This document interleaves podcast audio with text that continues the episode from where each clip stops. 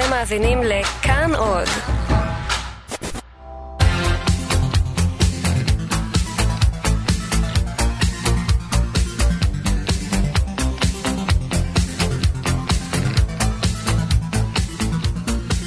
חלון גאווה עם איציק יושע.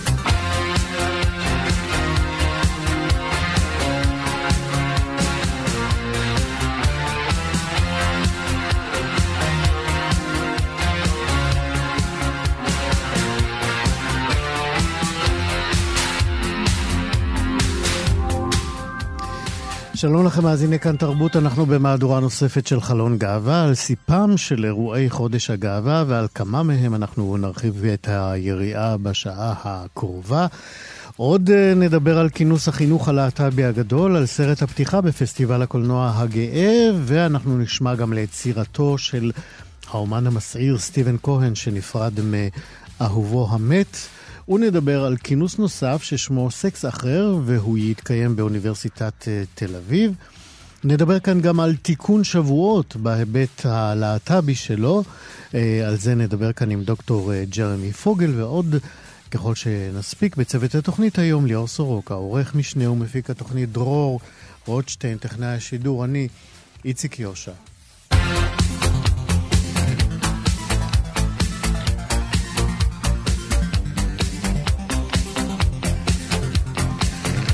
בסוף השבוע הקרוב ייפתחו בכל הענות גבורה תחת הסיסמה מחוץ לחוק אה, אירועי הגאווה. לפי נתונים שפרסמה האגודה למען הלהט"ב, לא פחות מ-28 ערים בישראל יקיימו מצעדי גאווה בתחומן. ב-12 הערים אירועי הגאווה האלה התקיימו בפעם הראשונה, ובראשן העיר טבריה, שאליה הצטרפו בין היתר בית שמש, רמת גן, הרצליה ויבנה.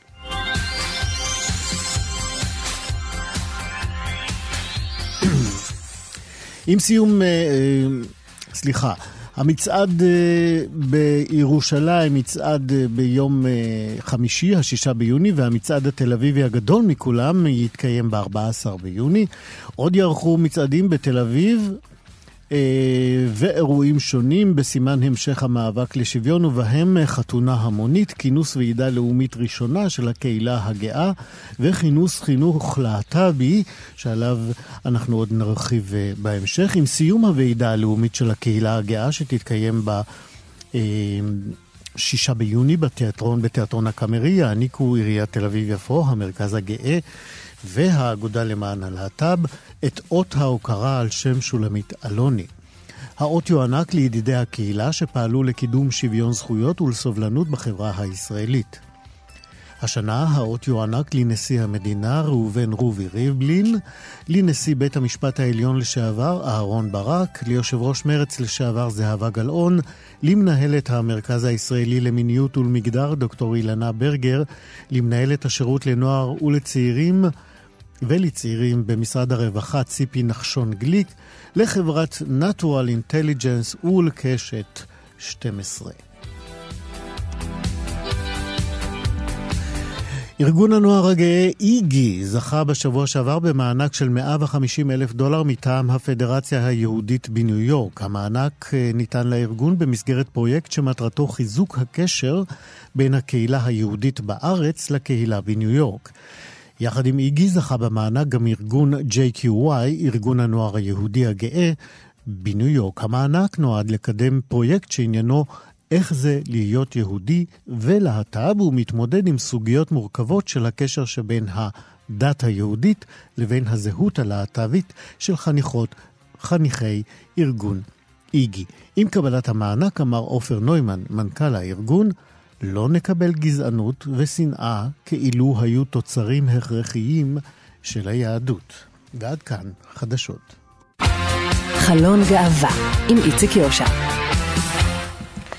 ביום שלישי הקרוב, 4 ביוני, ייפתח בתל אביב כינוס החינוך הגאה השלישי של עיריית תל אביב. זהו הכינוס היחיד בישראל שעוסק באופן ישיר בחינוך של ועל בני ובנות קהילת הלהט"ב. הכינוס השנה משתלב אה, באירועי הגאווה. אה, ולארגונו של הכינוס הזה שותפים השירות הפסיכולוגי-חינוכי בעיריית תל אביב ביחד עם המרכז הגאה ובשיתוף ארגוני החינוך בקהילת הלהט"ב בישראל. ביסקסואליות ופלואידיות מינית בקרב בני נוער וצעירים הם ההיבטים היותר מרתקים של התקדמות המאבק הלהט"בי, ובשנים האחרונות אה, זרקור המאבק מופנה יותר ויותר לחלקים האלה של אה, ביסקסואליות ופלואידיות מינית, שהם אה, מורכבים יותר וקשים להנגשה לציבור הרחב, וצריך לומר, גם בתוך קהילת הלהט"ב פנימה. מי שיפנה את הזרקור הזה הפעם, ובמסגרת הכינוס, יהיה אלעד לבנה, שהוא פסיכולוג קליני מומחה, והכותרת להרצאה שלו תהיה עד החתונה זה יעבור? סימן שאלה. שלום אלעד לבנה. שלום איציק, שלום. יש נתון שאני חייב לברר איתך. האם ביסקסואלים הם השכבה הבאמת היותר גדולה מבחינה מספרית אצל, אה, בעיקר אצל בני נוער? אה, אז התשובה החד משמעית היא כן. אה, על מה אתם נסמכים? מה... זהו, על איזה מחקרים אתם נסמכים אה, כשאתם קובעים את הנתון הזה? זהו, אז יש הרבה מחקרים יחסית מהשנים האחרונות, במיוחד מחקרים שהתמקדו בבני נוער ובצעירים, תלמידי תיכון וסטודנטים. אה, אנחנו מדברים על ש... ישראל בלבד או על העולם? לא, לא, אנחנו מדברים על מחקרים שנערכו בעולם, בעיקר בארצות הברית. ישראל היא לא בדיוק מעצמה מחקרית בתחום של להט"ב, אם כי קיימים כמובן מחקרים גם בישראל. לאט לאט. אנחנו עובדים אה, יפה נכון. בינתיים. נכון, נכון, אבל המחקרים העדכניים ביותר מהשנים האחרונות אה, מארצות הברית מעידים על זה שבקרב אה, בני נוער וצעירים שיעור הביסקסואלים הוא פי שלושה, פחות או יותר, מאשר שיעור אלה שמגדירים את עצמם כהומואים ולסביות. ואתה מייחס את זה לגיל הנעורים, או שזה משהו שנמשך עמוק אל תוך הבגרות הקרובה לפחות? תראה, קשה מאוד לומר, אנחנו נוכל uh, לענות על התשובה הזאת uh, בעוד uh, 10 או 20 שנה, כשאותם בני נוער וצעירים של היום יהיו יותר מבוגרים, ואז נוכל לבדוק מה קרה לזהות המינית שלהם ברבות השנים. אבל מה שאנחנו בעצם מוצאים יותר ויותר בשנים האחרונות, זה שקיימת, בוא נגיד, שכבה גדולה מאוד של אנשים שאפשר לתאר אותם כנזילים מינית. אה, זאת אומרת, התפיסה הזאת של זהות מינית כמשהו אה, אחיד, יציב, קבוע, שהאדם מגיע אליו דרך סדרה של שלבים ונשארת יציבה לאורך שנים, זו תפיסה שכבר, אה, בוא נגיד, לא תואמת למציאות העכשווית. לא רק בקרב בני נוער וצעירים, אפשר לראות את זה גם אצל יותר ויותר מבוגרים, ולאו דווקא בכיוון שאנחנו בדרך כלל רגילים לחשוב עליו, של ביסקסואליות. אז אה, בדרך כלל מה שאנחנו רגילים לחשוב, אני חושב, בקרב הקהל הרחב, זה שביסקסואליות היא איזה סוג של אה, תחנת מעבר. Mm-hmm. בדרך להומוסקסואליות מלאה, כי זה יותר נוח, כי לסביבה יותר קל לקבל את זה בצורה הדרגתית. אה, בפועל מה שאנחנו רואים זה שאצל הרבה אנשים... יש לפעמים... בזה אבל לדעתי יותר מזה, לדעתי ההדיוטה כמובן, אתה יודע, אני, אני לא עוסק במחקר, אבל uh, יש, דיברתי קודם על ההנגשה, ובאמת ההוויה הביסקסואלית uh, קשה לעיכול גם בתוך הקהילה פנימה. לא, לא משום חוסר סובלנות או טולרנטיות, אלא משום שקשה, אה, אני חושב, ל, לרוב האנשים אה, לחשוב על חיים תמידיים במקום שהוא יכול להשתנות בכל פעם למשהו אחר והפוך למה שאתה רגיל לחיות בו. שוב, בלי אני... להפעיל על זה שום שיפוט ערכי, אלא כן. שוב החשש הזה של אה, חוסר יציבות, נקרא לזה. רגשי. אני, אני מבין מה שאתה שואל, מה שאתה אומר, אבל uh, אנחנו צריכים להפריד uh, זהות מינית מהתנהגות מינית או מסגנון חיים. זאת אומרת, uh, יש אנשים שמגדירים את עצמם בצורה מסוימת ומנהלים את החיים שלהם בצורה אחרת. כלומר, עצם היותך... אה, ביסקסואל אה, לא אומר שאתה חייב לבחור... חייב את הפרקטיקה ב... הזאת כל הזמן. בדיוק, בדיוק, ויש ביסקסואלים שמנהלים מערכות יחסים אה, מונוגמיות, בדיוק כמו שיש הטרוסקסואלים והומוסקסואלים, והומוסקסואלים שמנהלים מערכות יחסים זאת אומרת, מה שאנחנו אומרים זה שבעצם מה שנוצרת כאן היא לגיטימציה פנימית לנוע על הקשת הזאת, על הספקטרום הזה. אה, כן, זה מה שאנחנו פוגשים יותר, זאת אומרת, תראה, השיחה הזאת שאנחנו מנהלים, יש, אה, יש איזה ראיון שערכו חוקרות עם, אה, הם ערכו ראיונות עם כל מיני נערים ונערות, ספציפית זה היה באוסטרליה, ובאחד הראיונות בעצם הנער אמר להם, אתם בעצם חוקרים את המובן מאליו, כאילו למה בכלל צריך לחקור אה, ביסקסואליות ופלואידיות מינית? כאילו זה הדבר שהוא מובן מאליו אה, אצלנו, כן? מרתק. לא חשבתי שנער ש... יכול להביע עמדה כזאת ממקום... כן, נער בן 15, כן. כן.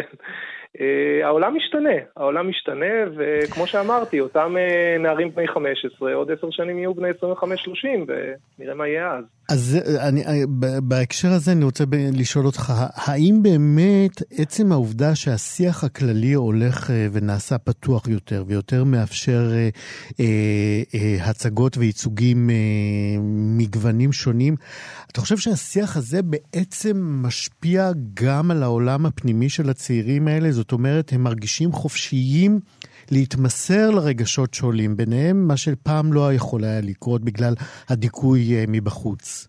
טוב, אז תראה, קודם כל עדיין יש דיכוי, בוא, בוא נהיה אמיתיים לרגע, זאת אומרת, אה, הומופוביה עדיין אם, קיימת. אם מתפרש ו... מזה שהעולם טוב, אז אה, כן. אני חוזר בי כן, מיד. כן, כן, לא, תראה, הומופוביה עדיין קיימת, וביפוביה עדיין קיימת, שזה בעצם איזושהי אה, נגזרת ייחודית של דעות קדומות וסטיגמות ואפליה שמכוונת כלפי אנשים אה, ביסקסואלים. Uh, כמובן שהעולם הולך ונפתח, אתה לא צריך אותי בשביל שאני אגיד לך את זה, זאת אומרת זה תהליך שאנחנו רואים שקורה, אבל עדיין יש עוד על מה לעבוד. אני חושב שבתוכם פנימה, בקרב בני הנוער פנימה, בטח ובטח במקומות היותר uh, ליברליים נקרא להם, uh, כמו uh, תל אביב או גוש דן, יש באמת יותר לגיטימציה לעניין הזה. ועדיין אנחנו פוגשים, אה, ואני יכול להגיד לך גם אה, מבחינה קלינית בתור מטפל, עדיין אנחנו פוגשים אה, לא מעט הומופוביה וביפוביה מופנמת בקרב בני נוער שמגיעים לטיפול. זאת אומרת, קשה להם לראות את עצמם ככאלה, mm-hmm. מכל הסיבות שאנחנו מכירים, כן? חינוך ו- וסוציאליזציה. אין לי ספק שזה עדיין קיים, שוב. בהרצאה שלך, על איזה חלקים או אירועים או מקרים או, או תופעות אתה תתמקד? בכינוס. אז אני באמת, תראה, אני אדבר על הדיסוננס הזה, על הקונפליקט שקיים בין זה שמצד אחד שיעור הביסקסואלים באוכלוסייה הוא באמת גבוה יחסית, וכמו שאמרתי, יותר גבוה מאשר שיעור ההומואים והלסביות, אה, ושזה כביכול משהו מובן מאליו, אה, לבין זה שעדיין ביסקסואלים הם אה, אותה, אותו פלח בתוך קהילת הלהט"ב שסובל במידה הרבה ביותר מדיכאון, מחרדות, מאובדנות, מפגיעות מיניות, מחוויה של בריונות, אה, וגם אה, שהסטיגמה כלפיו היא אה, מאוד חזקה. ואני אנסה לראות ממה נובע הפער הזה ואיך אפשר להבין אותו. אני גם אנסה לזכור קצת את היחס של הפסיכולוגיה כלפי כל התופעה הזאת של פלואידיות מינית. אני אדבר על פרויד, אני אדבר על הרבה מהממשיכים של פרויד. אה, כמה לראות... באמת אה, הפסיכולוגיה אה, המודרנית מקבלת את, ה, את הגיוון הזה, את השינויים האלה שבעצם מתחוללים מול עינינו? אז תראה, עד שנות ה-70 הומוסקסואליות נחשבה כהפרעה נפשית, ואנחנו שכבר לנו, כן, שנים... כן, הוצאה מספר המחלות. בדיוק, היא כבר לא בספר האבחנות.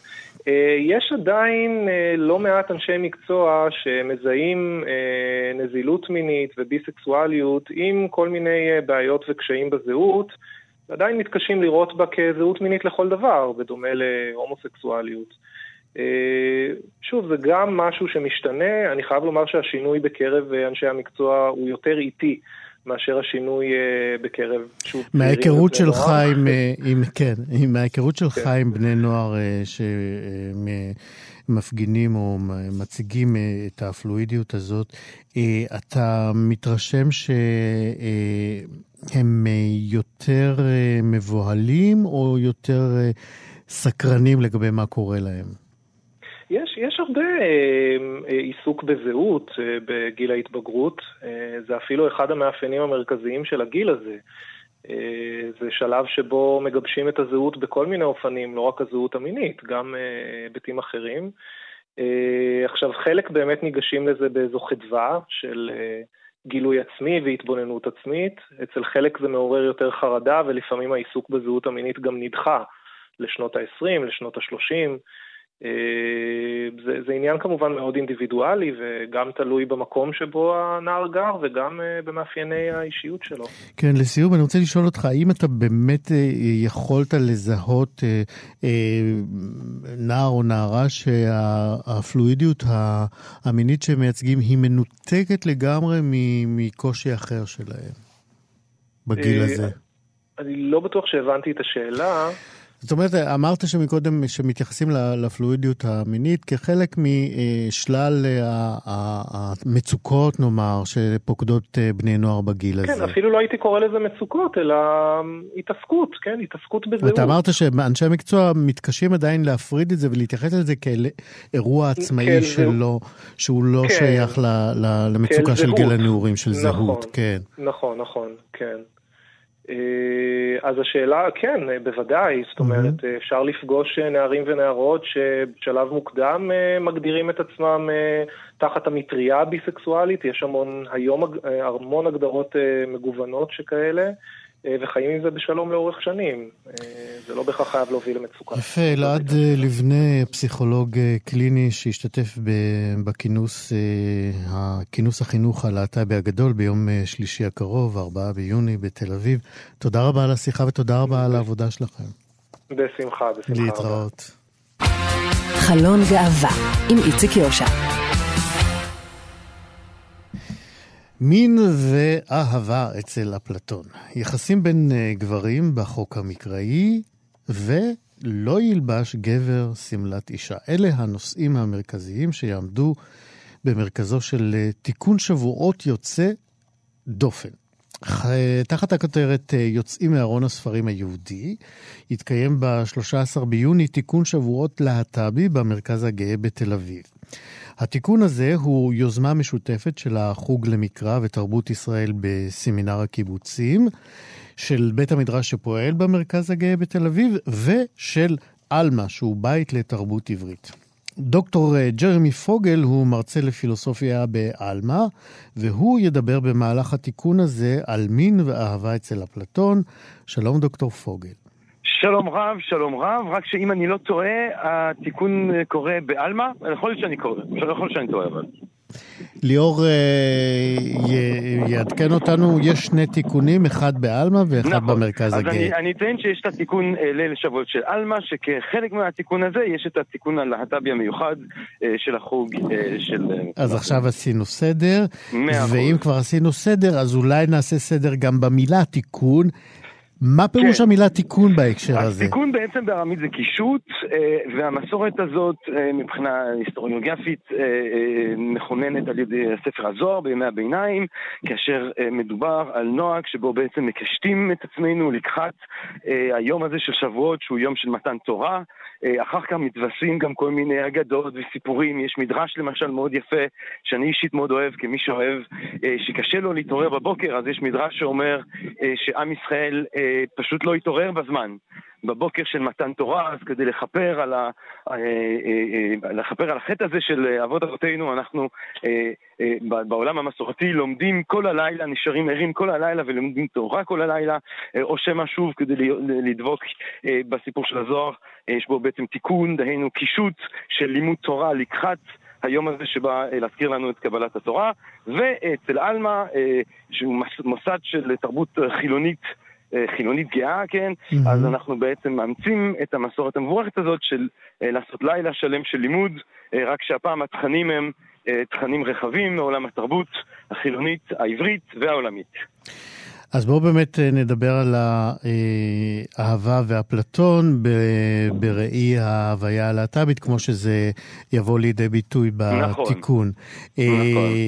האם המין והאהבה בין גברים באתונה הקלאסית נתפסו אז כמו שאנחנו תופסים אותם היום? לא, ממש לא. באמת? זאת אומרת, ההבדל, תראה, יכול להיות שזה היה מענג באותה צורה, אני לא יודע, אבל uh, מבחינת התפיסה... לדעתי אין מחלוקת על החלק הזה לפחות. כן. אוקיי. אה, יכול להיות שיש, ייתכן מאוד אה, שהיה הבדל מאוד משמעותי בכלל בתפיסה של ההשלכה הזהותית. של אה, הומואירוטיקה או של מין אה, בין גברים. זאת אומרת שכחלק מחיים בריאים, טבעיים, רגילים לפחות בתקופות מסוימות, בתרבות של עיר המדינה אתונה, אז נער, כשהוא מגיע לגיל של הזקן הראשון, כן, כי אז הוא הכי נחשק בעיני הגברים המבוגרים, אה, אז בעצם אה, הוא אה, מוצא איזשהו חונך, בתהליך החניכה הזו יש לו אופי הומואירוטי ברור, והוא כולל גם מגע פיזי מסוים, כן, יש קודים מאוד ברורים למה אפשר ולמה אסור. הנער הזה אז גודל, הוא עובר תקופה שבו הוא שוכב עם כל מיני אומר, נשים. מה זאת אומרת קודים ברורים למה מותר ומה אסור? היה, נרא, היה נתפס, ואנחנו רואים את זה למשל במשתה של קסנופנס, שבו סוקרטס מסביר שעדיף לא לקיים מין אנאלי עם אותו... בחור שאותו אתה חונך, כן? אז היה להם אה, כל מיני אה, דברים אחרים, מגע, ליטופים, השתפשפות בין הירכיים וכולי, אה, אבל מן זה ממש, היפה... יש איזה מין ספר מתכונים של מה, מה יעשה ומה לא כן, יעשה? כן, יש קודים, יש קודים, כמו בכל דבר, כן, יש קודים של מה יעשה ומה לא נתפס, ומה נתפס כראוי ומה נתפס כלא ראוי. אחר כך, אתה יודע, לך תבדוק מה אנשים עשו או לא עשו אצלם אה, אה, בחדרים, אבל בכל מקרה הנקודה המשמעותית אני חושב מבחינה מחשבתית הוא לשים לב עד כמה שההתנהגות ההומוסקסואלית לא אה, הייתה, לא כוננה בעצם זהות בהכרח הומוסקסואלית. אומרת, זה מתקשר כן. לשיחה הקודמת שלנו על ביסקסואליות שהיא, ב...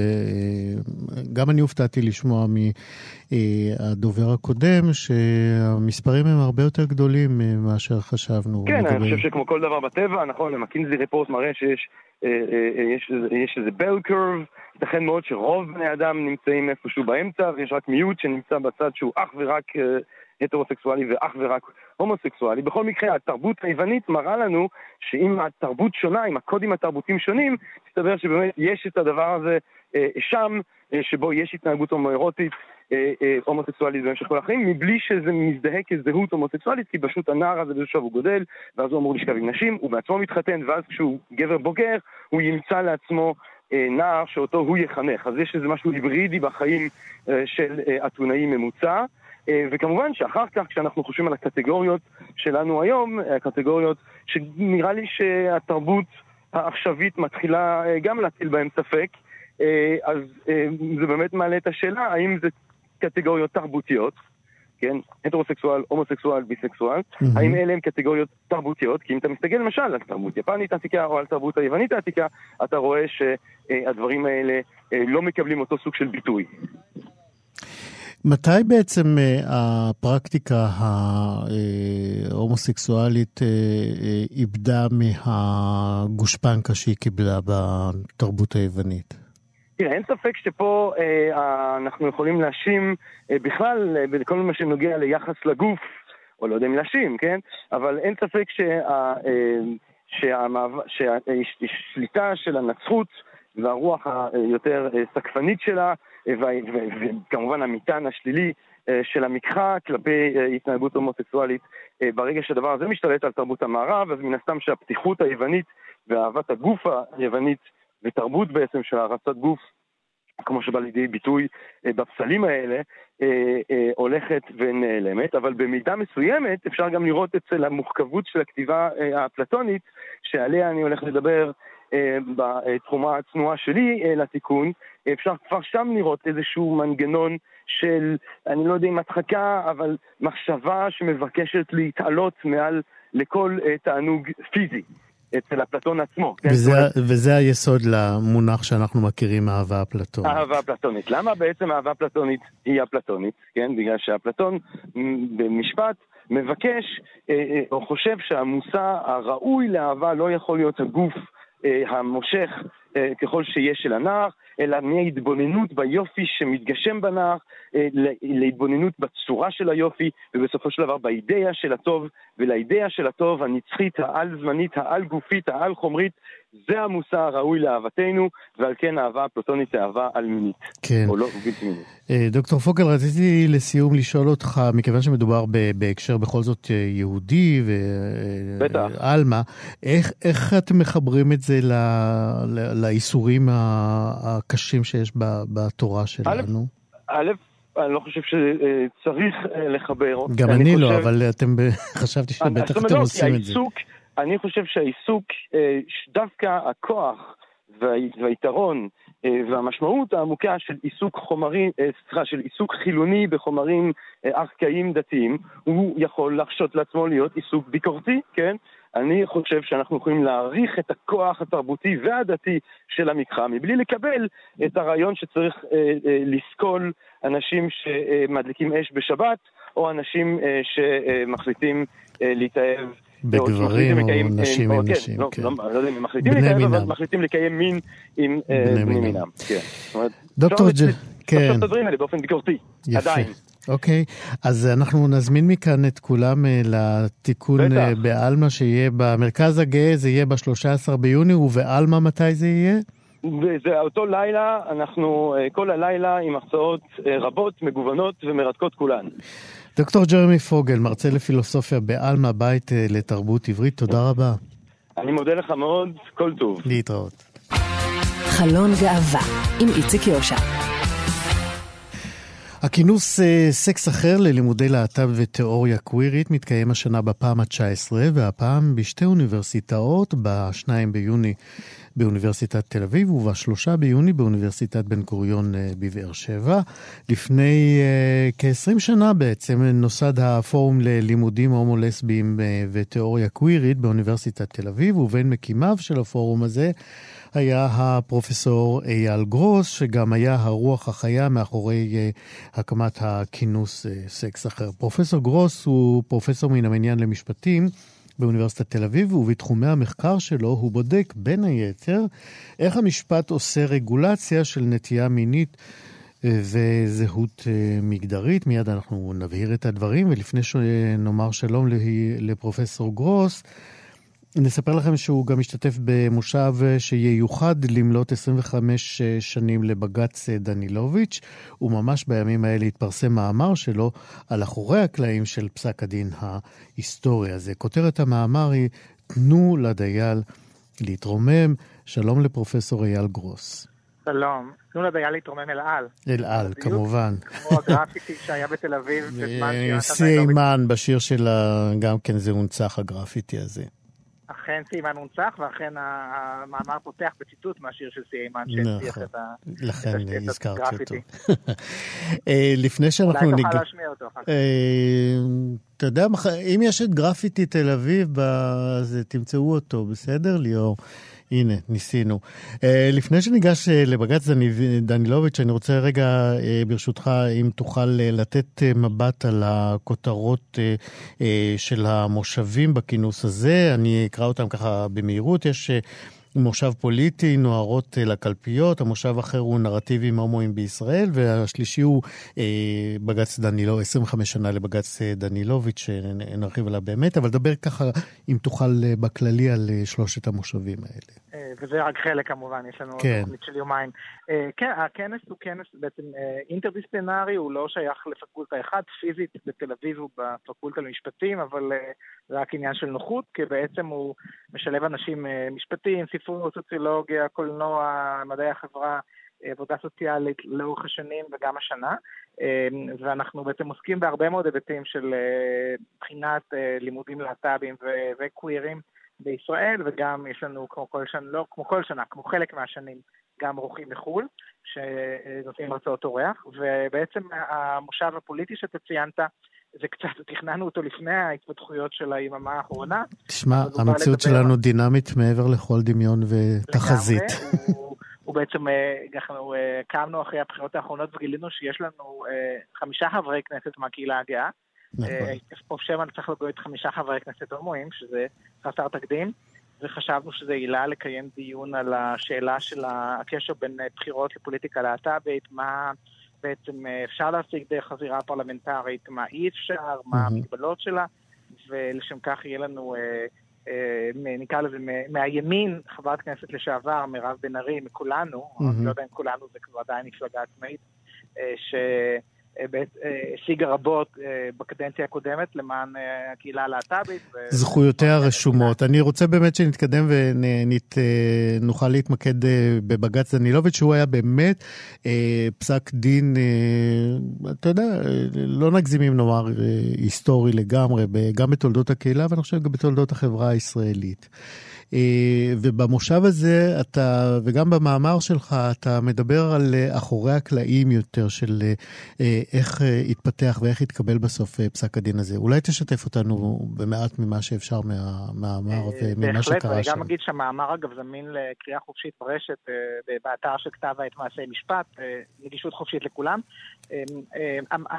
בעצם יש שם הרבה מאוד אנקדוטות וסיפורים מעניינים שבנו את הסיפור הגדול. אחד בעיניי המעניינים זה שבעצם התביעה של דנילוביץ' נגד אל על אה, הוגשה ב-1988, אה, עוד לפני שחוק שוויון הזדמנויות בעבודה תוקן כדי להכניס את האיסור אפליה על רקע נטייה מינית, ועוד לפני חוק יסוד כבוד האדם וחירותו. ומאוד קשה לדעת מה היה קורה בגורלה, כי עורכי הדין אה, היו צריכים להמציא טענות על סמך תפיסות כלליות של שוויון. ומה שקרה זה שהשופט הראשון שהתביעה הגיעה אליו החלה, והתיק שכב על שולחנו בזמן שהוא שכב בבית החולים ועד שהוא נפטר. ואז הוא עבר לשופטת שנייה, והיא, אה, אחרי שזה הועבר עליה, קודמה מבית הדין האזורי לעבודה לבית הדין הארצי. וכך התיק התעכב ארבע שנים עד שהגיע לשופט לובודסקי. ובינתיים, אה, כמו שאומרים, משועת השם כהרף עין, אה, או כמו שאומרים דיוקס אקס מכינה בתיאטרון, פתאום קרו כמה דברים בכנסת. נחקק חוק יסוד כבוד האדם וחירותו, ותוקן חוק איסור אפליה בעבודה, והוסיפו לו את הסעיף שעושה אפליה על רקע נטייה מינית. כך שהתיק הגיע לבית הדין לעבודה אה, באיחור של ארבע שנים, ואז השופט לובודסקי, שהוא אגב אדם אה, דתי בעצמו, אני רק מציין את זה כעובדה, כי הרבה mm-hmm. פעמים טוענים שיש התנגדות בין אה, דתיים לבית המשפט או לזכויות להט"ב, הוא פסק, החוק קובע שאסור להפלות בעבודה על רקע נטייה מינית. והנה בא יונתן דנילוביץ', ובצדק טוען שאם הוא היה לו אה, בת זוג, הוא היה מקבל באל על טובות של כרטיסי טיסה חינם. מאחר שיש לו בן זוג, הוא לא מקבל. וזה מה שהחוק אומר, ואני לא יכול להתעלם מהחוק.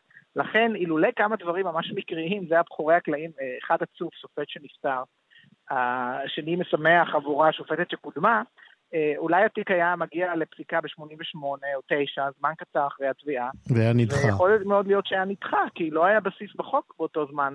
היה אפשר לעקרונות כלליים, אבל זה היה באמת דורש מבית הדין לעבודה, אקטיביזם כזה, כן, שהוא לא תמיד עושה. כן, זה מוזר באמת. ואז, אז זה דבר אחד מעניין. Mm-hmm. יש עוד הרבה דברים מעניינים, למשל, אה, אה, במשרד שייצג את אל על, אחת המתמחות הייתה עורכת דין עירה הדר, שבוודאי מוכרת לה, שלימין הייתה אחת העורכות דין הכי מובילות בתחום זכויות להט"ב היום, בישראל. כן. והיא הייתה מתמחה במשרד שם, אז גם ראיינתי אותה על הרגשות שלה כמתמחה שהיא יושבת במשרד וחוזרת הביתה ופשוט מיואשת שהיא שומעת את כל הטיעונים ההומופוביים שהמשרד שלה מייצג, אבל כמתמחה צעירה וכמי שבמשרד עוד לא יצאה מהארון, למרות שהיא כבר הייתה פעילה בקהילה בארגון קלף שהיה mm-hmm. קיים, היא לא יכולה להגיד כלום. אז יש המון דברים מעניינים אה, מאחורי הקלעים. נדמה לי ש, שגם אחד המתמחים של אה, אחת השופטות שהצטרפה, שכתבה, הייתה שותפה לפסק הדין, גם היה חבר קהילה וסייע בידיה של השופטת. אה, ייתכן, אתה רואה, אני צריך לעשות מאמר המשך, חבל שלא סיפרת לי. אבל אתה יודע, זה כן. מזכיר לי סיפור מאוד מפורסם שהמאמר... אנחנו מדברים על השופטת דורנר. כן, השופטת דורנר, השופטת דורנר גם סיפור מעניין, כי היא הייתה בחופשה בצרפת קצת לפני.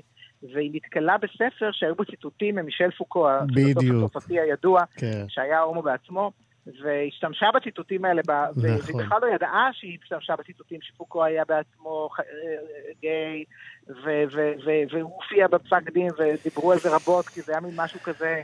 כן. די כזה פתאום מפתיע, כן? כן. וזה הכל, וברעיון איתה מסתבר שפשוט היא הייתה בחופשה בצרפת, היא אוהבת בחופשות לבקר בחנויות ספרים, mm-hmm. והיא ראתה את הספר, ראתה שם ציטוט שבדיוק התאים לה לפסק דין, אז היא קנתה את הספר, ועד היום שביקרתי אותה, וגם לשופטים שפרשו, יש עדיין אה, לשקוט בבית המשפט, ביקרתי אותה, והספר בספרייה שלה מסומן עדיין בעיפרון הציטוט, כן? היא הראתה לי את זה. סיפור מקסים. סיפור כן. נהדר. כן. זה באמת קשה להאמין שזאת הייתה תקופה כזאת, שנת 94.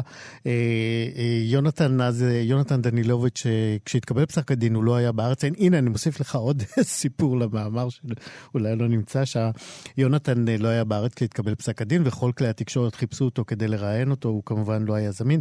אנחנו מדברים על לפני עידן הטלפונים הניידים והוואטסאפים. ובמדינת ישראל ב-94 לא נמצא אה, הומו אחד שיהיה מוכן להיחשף כהומו כדי להתראיין על פסק הדין הזה. אה, אני התנדבתי והלכתי לאחת מתוכניות האירוח ודיברתי על פסק דין דנילוביץ', למרות ש... לא הייתי חלק מהפסק הדין, אבל בהחלט היה, הייתי חלק מהמאבק. אני יודע דבר אחד שהוא לא היה, יש סיפור שכן הופיע במאמר, כן. שהוא היה בטיסה חזרה ארצה, הוא חילק את העיתונים שהתמונות שלו מופיעות בהם. את העמודים הראשונים בכל העיתונים, זה היה כותרות ראשיות. ו- וזה היה נורא מצחיק שהוא חילק והנוסעים ראו, שמו לב, כן? וזה היה עדיין, זה סיפור שכן מופיע במאמר. כמובן המאמר גם כולל את ה...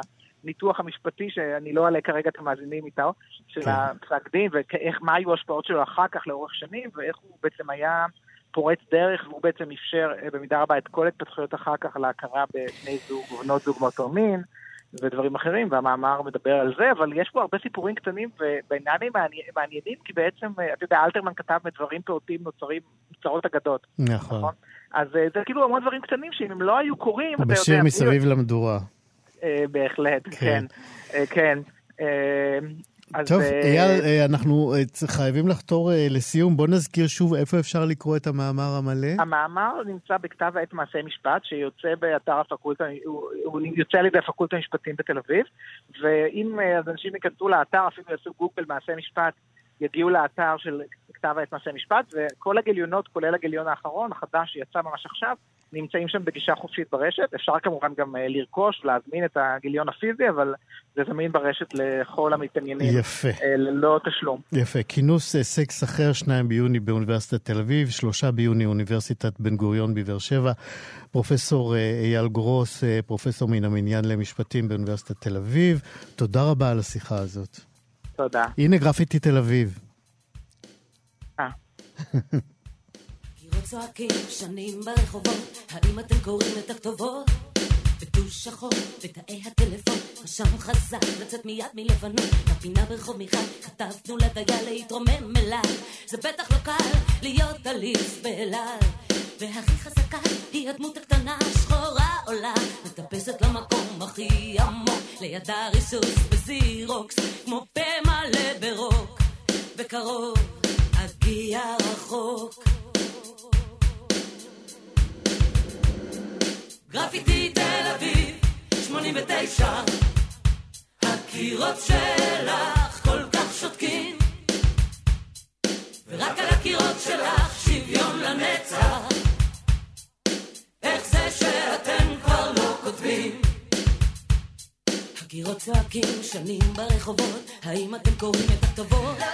האומן אה, והיוצר סטיבן כהן מגדיר את עצמו כגבר דרום אפריקאי, לבן, הומו ויהודי. הוא מייצר אומנות אה, מתריסה, מעוררת, שגם הביאה אותו לתא המעצר אה, בפריז. זה היה לפני חמש שנים, אחרי שכהן קשר תרנגול לאיבר המין שלו ושוטט כמעט עירום לגמרי למרגלות מגדל אפל, ואז הגיעו השוטרים ו... זה הסתיים במעצר, והאומן הזה, סטיבן כהן, מגיע לישראל עם uh, יצירה שהיא בעצם uh, רקוויאם לאהובו המת. איתו הוא חי כמעט uh, 20 שנה, והיצירה הזאת התחילה בעצם כתערוכה, ו... אה, במרוצת הימים הפכה לעבודה בימתית אה, די סוערת ודורכת את החושים, אה, כפי שמדווחים מי שראו אותה, אנחנו נראה אותה בשבוע הבא. איציק ג'ולי הוא המנהל האומנותי של פסטיבל ישראל, והוא איתנו כדי לספר לנו יותר גם על כהן ועל יצירתו, עד שנוכל לראות את זה ביום שישי, שישה ביוני, פסטיבל ישראל. שלום איציק ג'ולי. שלום רב. אתה יכול לתת לנו עוד קצת קווים לדמותו של אה, סטיבן כהן אה, מעבר למה שכבר אמרתי עכשיו? סטיבן כהן הוא בהחלט אמן מאוד אה, מיוחד, הוא קודם כל באמת עוטה על עצמו את שלל הזהויות שהוא שם בפרונט כל הזמן כשהוא עובד, כמו שציינת, יהודי, לבן, גיי, דרום אפריקאי, גם שסבל מאפרטהייד ומהפטריארכיה הלבנה, יש לו אימא מאמצת שחורה, אה, והוא באמת נע אה, ממקום של אקטיביסט למקום של עבודה בימתית, כשהוא עוטה על עצמו דימויים ויזואליים מאוד מאוד מרתקים, כל הסמלים של חייו תמיד נמצאים שם, הוא נע בין פרפר לבין פייה. אה, אבל תמיד משאיר בעצם גם את הדימוי הגברי שלו נוכח, הוא לא מנסה להפוך לאישה, אלא בעצם דווקא מדבר מה, מהמקום הזה ושם על עצמו באמת חלקים מאוד מעניינים שפותחים אותו לאפשרויות להביע גם תוכן אישי וגם תוכן אה, פוליטי. אחת העבודות המעניינות שהוא עשה, כמו שציינת, זאת, זאת הייתה בטח, אבל הוא גם עטה על עצמו נברשת גדולה, נברשת אור גדולה, והסתובב בשכונות פחונים בדרום אפריקה.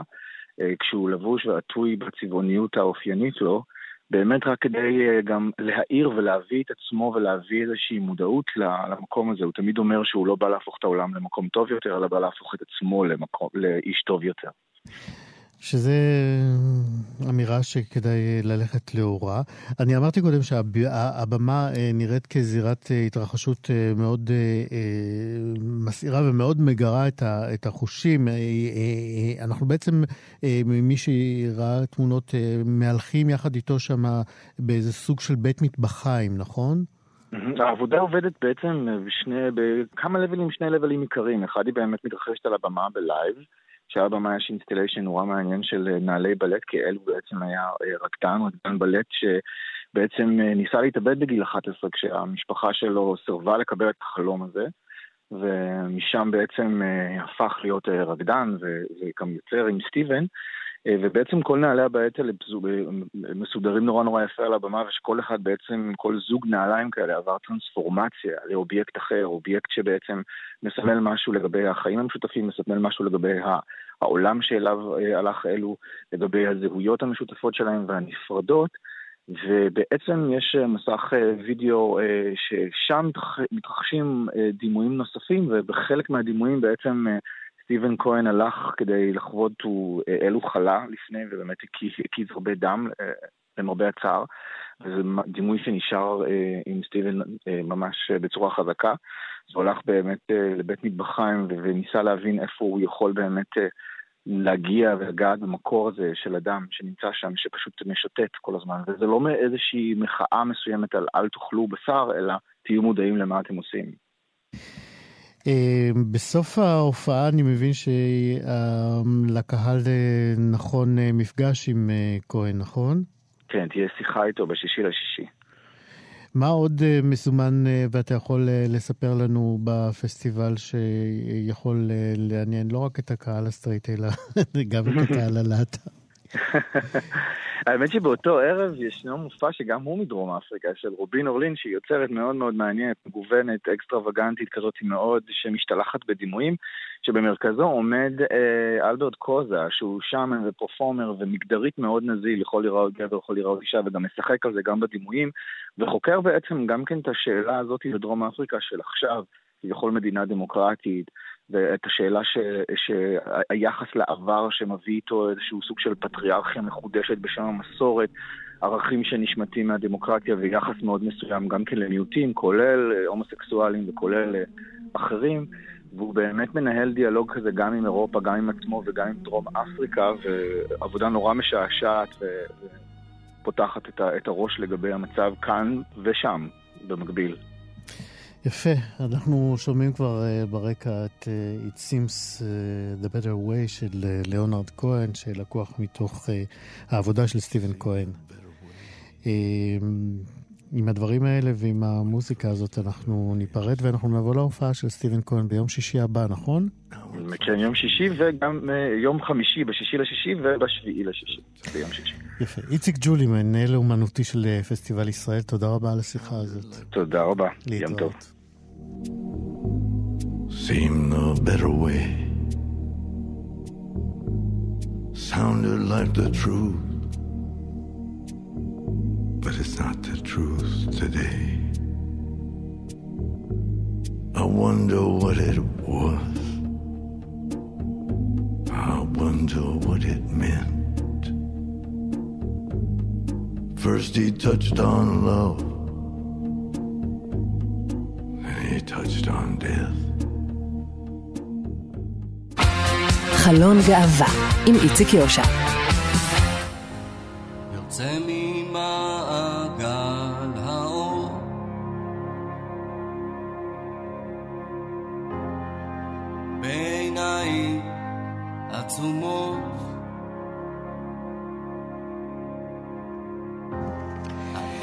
ועכשיו אנחנו עם uh, קולנוע בחמישה ביוני, שזה ממש ביום רביעי הקרוב. ייפתח פסטיבל הקולנוע הגאה בסינמטק בתל אביב, והסרט שנבחר לפתוח אותו הוא הסרט 15 שנים, זהו סרט ביקורים באורך מלא של הבמאי יובל הדדי. מדובר uh, בדרמה מקורית, שעל פי הצהרת הכוונות שלה מפנה אצבע חוקרת uh, ומבט uh, די סקרני אל גזרה שהיא לא כל כך מדוברת בהוויה ההומואית. אנחנו מדברים על ה...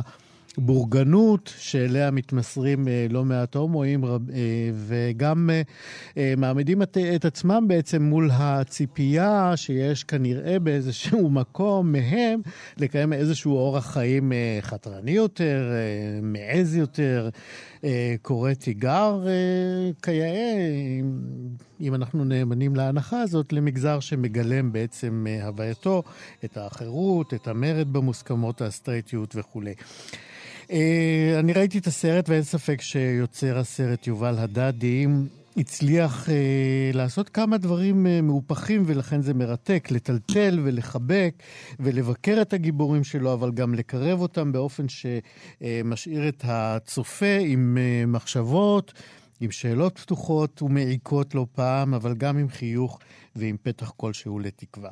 יובל הדדי הוא גם אה, אורח שלנו היום, כאן באולפן. שלום יובל. אהלן. ברכות על הסרט ועל הכבוד לפתוח את הפסטיבל. תודה רבה. אה, המיקרופון של יובל עכשיו אה, פתוח? פתוח? או, עכשיו אהלן. שומעים אותך. אה, אז יובל אמר לי תודה על הברכות. תודה, תודה. אתה יודע מה? תיתן אתה תקציר. מי הם יואב ודן, גיבורי הסרט שלך, 15 שעות? שנה, 15 שנה. 15 שנה. אה, לפעמים כשרואים אותו זה נראה כמו 15 שעות. כן. אה, תשמע, הם כולם בעצם, אה, הגיבור האמיתי הוא יואב, או האנטי גיבור האמיתי הוא יואב, הוא, הוא איש באמצע החיים שחווה סוג של משבר. יואב הוא בן זוגו של דן, צריך כן, לומר. כן, יואב הוא, הוא גבר בן 42, ויש לו בן זוג 15 שנה, דן, בן 38. והם שניהם מנהלים אורח חיים, כמו שאמרת, בורגני, מאוד מסודר, אה, מאוד מהודק. יואב אה, שולט אה, בחיים שלו, גם בפן המקצועי וגם בפן האישי. ופתאום קוראים... יואב הוא ארכיטקט. הוא ארכיטקט, כן, הוא ארכיטקט מצליח. הוא... ודן הוא עורך דין מצליח. דן הוא עורך דין, פעיל חברתי. שניהם מנהלים חיים סוציאליים ערים, יש להם חברים, חברות וכולי. אה, ופתאום הדברים מתחילים להיפרם עבור יואב. אה, קורים אה, כמה דברים שאני מגדיר כמו סוג של סערה מושלמת, ו... והוא מאבד, ובבת אחת השטיח נשמט מתחת לרגליו, ו... ו... והוא מחליט, סוג של החלטה, ללכת לכיוון של הרס עצמי. יש, יש בו, בתת מודע יש איזה, איזה משהו שהוא יודע שהוא יסיים את חייו שהוא עשוי לסיים את חייו יום אחד אה, גלמוד, ללא אהבה, אה, אה, בלי בית וכולי וכולי. וכשהאירוע הזה, או סדרת האירועים קורית, הוא אומר, במקום לחכות, במקום הציפייה הזאת של מתי זה כבר יקרה, אני אביא את זה על עצמי.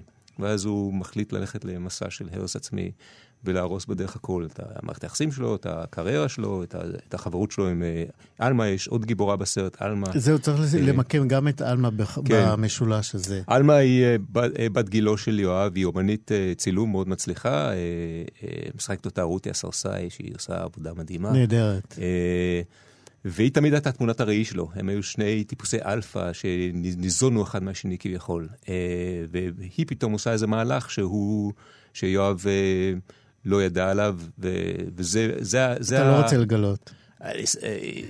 אלמה נכנסת להיריון. או, יש כאן דרמה. כן, זה הסיפור. עכשיו, הסיפור השני הוא, הוא באמת מה שאתה הזכרת על... תראה, יואב ודן נמצאים יחד 15 שנה. ואני אתחיל בסיפור יותר, במטריה היותר גדולה. רציתי לחקור, החברה, הישראל, החברה הישראלית, אני מדבר על החברה הישראלית, ערך המשפחה מאוד מאוד מקודש. אתה יודע, זוגות סטרייטים לאורך ההיסטוריה חוו את הלחץ של מתי תתחתנו, מתי תביאו ילדים, בקרוב אצלך, ברכה ידועה. כן, השיח הזה הוא יחסית חדש אצל, אצל גייז. Mm-hmm. אתה יודע, עד לפני עשר שנים לא, לא כל כך שמעת את זה. כלומר, היו כמובן הורים שעשו ילדים, אבל ה, ה, אתה. אבל זה שיח חדש של הלחץ של להביא ילדים, ואיתו מגיעים כל מיני דברים אחרים, שגם הומואים מתעסקים איתו, וגם החברה בכלל. מתעסקת איתה. נגיד היום הומו שיוצא מהארון, אני חושב שהמשפחה פחות... התגובה היא פחות מה שהייתה, בדיוק, אתה יישאר גלמוד תהיה וכולי וכולי, ומתי תביא כבר ילדים. עכשיו זה כבר נהיה שיח בתוך הקהילה, למשל אנשים, אני חוויתי... ואתה כבמאי, כיוצר הסרט, אם אני התרשמתי שיש לך איזה ביקורת על המהלך הזה, אני טועה? תשמע, כן, יש לי ביקורת, אבל זה כל כך סובייקטיבי, אתה יודע, כמו כל ביקורת בעצם. כן, יש לי, אני לא יודע אם זה ביקורת, כי ביקורת זו מילה קשה. זה אמביוולנציה. כן, זו שאלה. השאלה היא, ויואב למשל אומר את זה בסרט, השאלה היא אם ילדים זה סוג של טרנד או accessory, או שהומואים עכשיו רוצים שיהיה להם. וזה זה, זה, זה יפה מה שאתה אומר עכשיו, משום שרק מי שבאמת לא מבין את המשמעות של ילד, ואני נתקלתי בזה, ואני שמחתי שזה, שזה נכנס לסרט שלך, רק מי שלא מבין באמת את המשמעות של ילד ולא מחובר אליה, כמו יואב הגיבור, כן. יכול לחבר ילד וילדים למושג טרנד. כן. הרי זה סוג של חיים, איך אתה יכול לקרוא לזה? נכון. זה, חי, זה חיים מלאים. זאת אומרת, אתה יכול להיות לא מחובר לרעיון של להיות הורה, וזה בסדר גמור, אף אחד לא, לא, לא, לא צריך באמת להיכנס ל, ל, ל, למכבש הזה של מתי יהיו לך ילדים, אבל אתה לא יכול להתייחס לזה כאל טרנד. זאת, זה בהחלט מגמה, והיא מלאה שאלות ומלאה אה, לבטים מופחדים, כמו שדן, הגיבור של ה, אה, אה, השני שלך בסרט, כן. אה, אה, נחשף. כאשר הוא, הוא, הוא נמצא בעצם בדילמה, בן זוג כן. שלו לא רוצה ילדים, הוא כן יש לו משאלה כזאת. ליואב יש איזה פחד, יותר מזה שהוא לא רוצה ילדים, הוא מאוד מפחד מכל הרעיון. הוא חווה ילדות אה, לא פשוטה, אה, עם חרדת נטישה וכולי וכולי, והוא חושב שהוא יעביר את מה שהוא חווה הלאה. וזו הדרך שלו להתמודד עם זה, להגיד את, באמת, לדחות את זה בצורה מאוד חד משמעית ומאוד גסה אפילו באמירת טרנד. יש לו ויכוח שהיא עם עלמה, והיא מעלה את המילה משפחה, והוא אומר, משפחה, אין לך מושג מה, מה זה אומר בעצם. את משתמשת בזה למשהו אחר. אה, אז אה, זו הדרך של יואב להתמודד עם הדבר, עם הפחדים שלו, עם העבר שלו, אה, וזה גם עוד איזה דרך לחקור איך דברים ש... שאנחנו חווינו, בין אם במודע או לא במודע, בעצם מכתיבים את החיים שלנו. ותמיד יש את המתח הזה בין מה אנחנו רוצים להיות למה אנחנו בעצם נהיה. ולפעמים, לפעמים זה עובד ביחד, לפעמים זה ממש מנוגד, והמתח הזה שם, זה, זו הטרגדיה של יואב במקרה הזה. זה יהיה נכון אה, לומר שיש אה, תקווה בסוף הסרט? אה, לחלק מהם בטוח. אתה, אתה יודע מה, גם יואב, כי יואב, כש... אה, כן, לכולם. פשוט, אתה רואה שאני לכולם. נזהר מספוילרים כן, כן, כן, לכולם יש תקווה, אין ספק. כולם אה, יוצאים אה, עם סוג של הערה. אבל העלינו את זה על הפרק ועל סדר היום אה, שלנו. סרט שממש כדאי ובחירה ממש ראויה לפתוח את הפסטיבל הגאה. תודה, אני מאוד אה, אסיר תודה על הפסטיבל אז הנה, אנחנו בסרט. מכאן אה, מודים גם בשמך וגם בשמנו. 15 שנים, סרטו, סרט הבכורה של יובל הדדי איתנו כאן באולפן. תודה רבה שבאת אלינו, ואנחנו עם שיר הגאווה 2019. הופה, תודה רבה. מהו השיר, אתה יודע כבר? אני? כן. בבקשה, מישהו יפה. מי מחפש אותי? אני פה. מי מחפש אותי? שיבוא. אל תחפש אותי, אני פה. שוב חפש אותי, יאללה בוא. זהו עם השיר הזה הנפלא של חודש הגאווה. מאור אדרי, האחיות אה, קרא קוקלי, מישהו מחפש אותי, אנחנו כאן מסיימים עוד תוכנית של אה, חלון גאווה. אה, ערב פתיחת חגיגות ואירועי חודש הגאווה, מכל צוות חלון גאווה, אנחנו שולחים מכאן ברכות חג גאווה שמח ומועיל בדרך לשוויון. אתם מוזמנים למצוא אותנו בכל זמן בעמוד הפודקאסטים באתר כאן תרבות. ושוב נפרדים בברכת חג שמח, ליאור סורוקה, עורך משנה ומפיק התוכנית, אה, דרור אה, בורשט... רוטשטיין, זה שם המשפחה שלך, הוא טכנאי השידור שלנו. אני איציק יושע, להתראות בשבוע הבא, חג שמח, להתראות.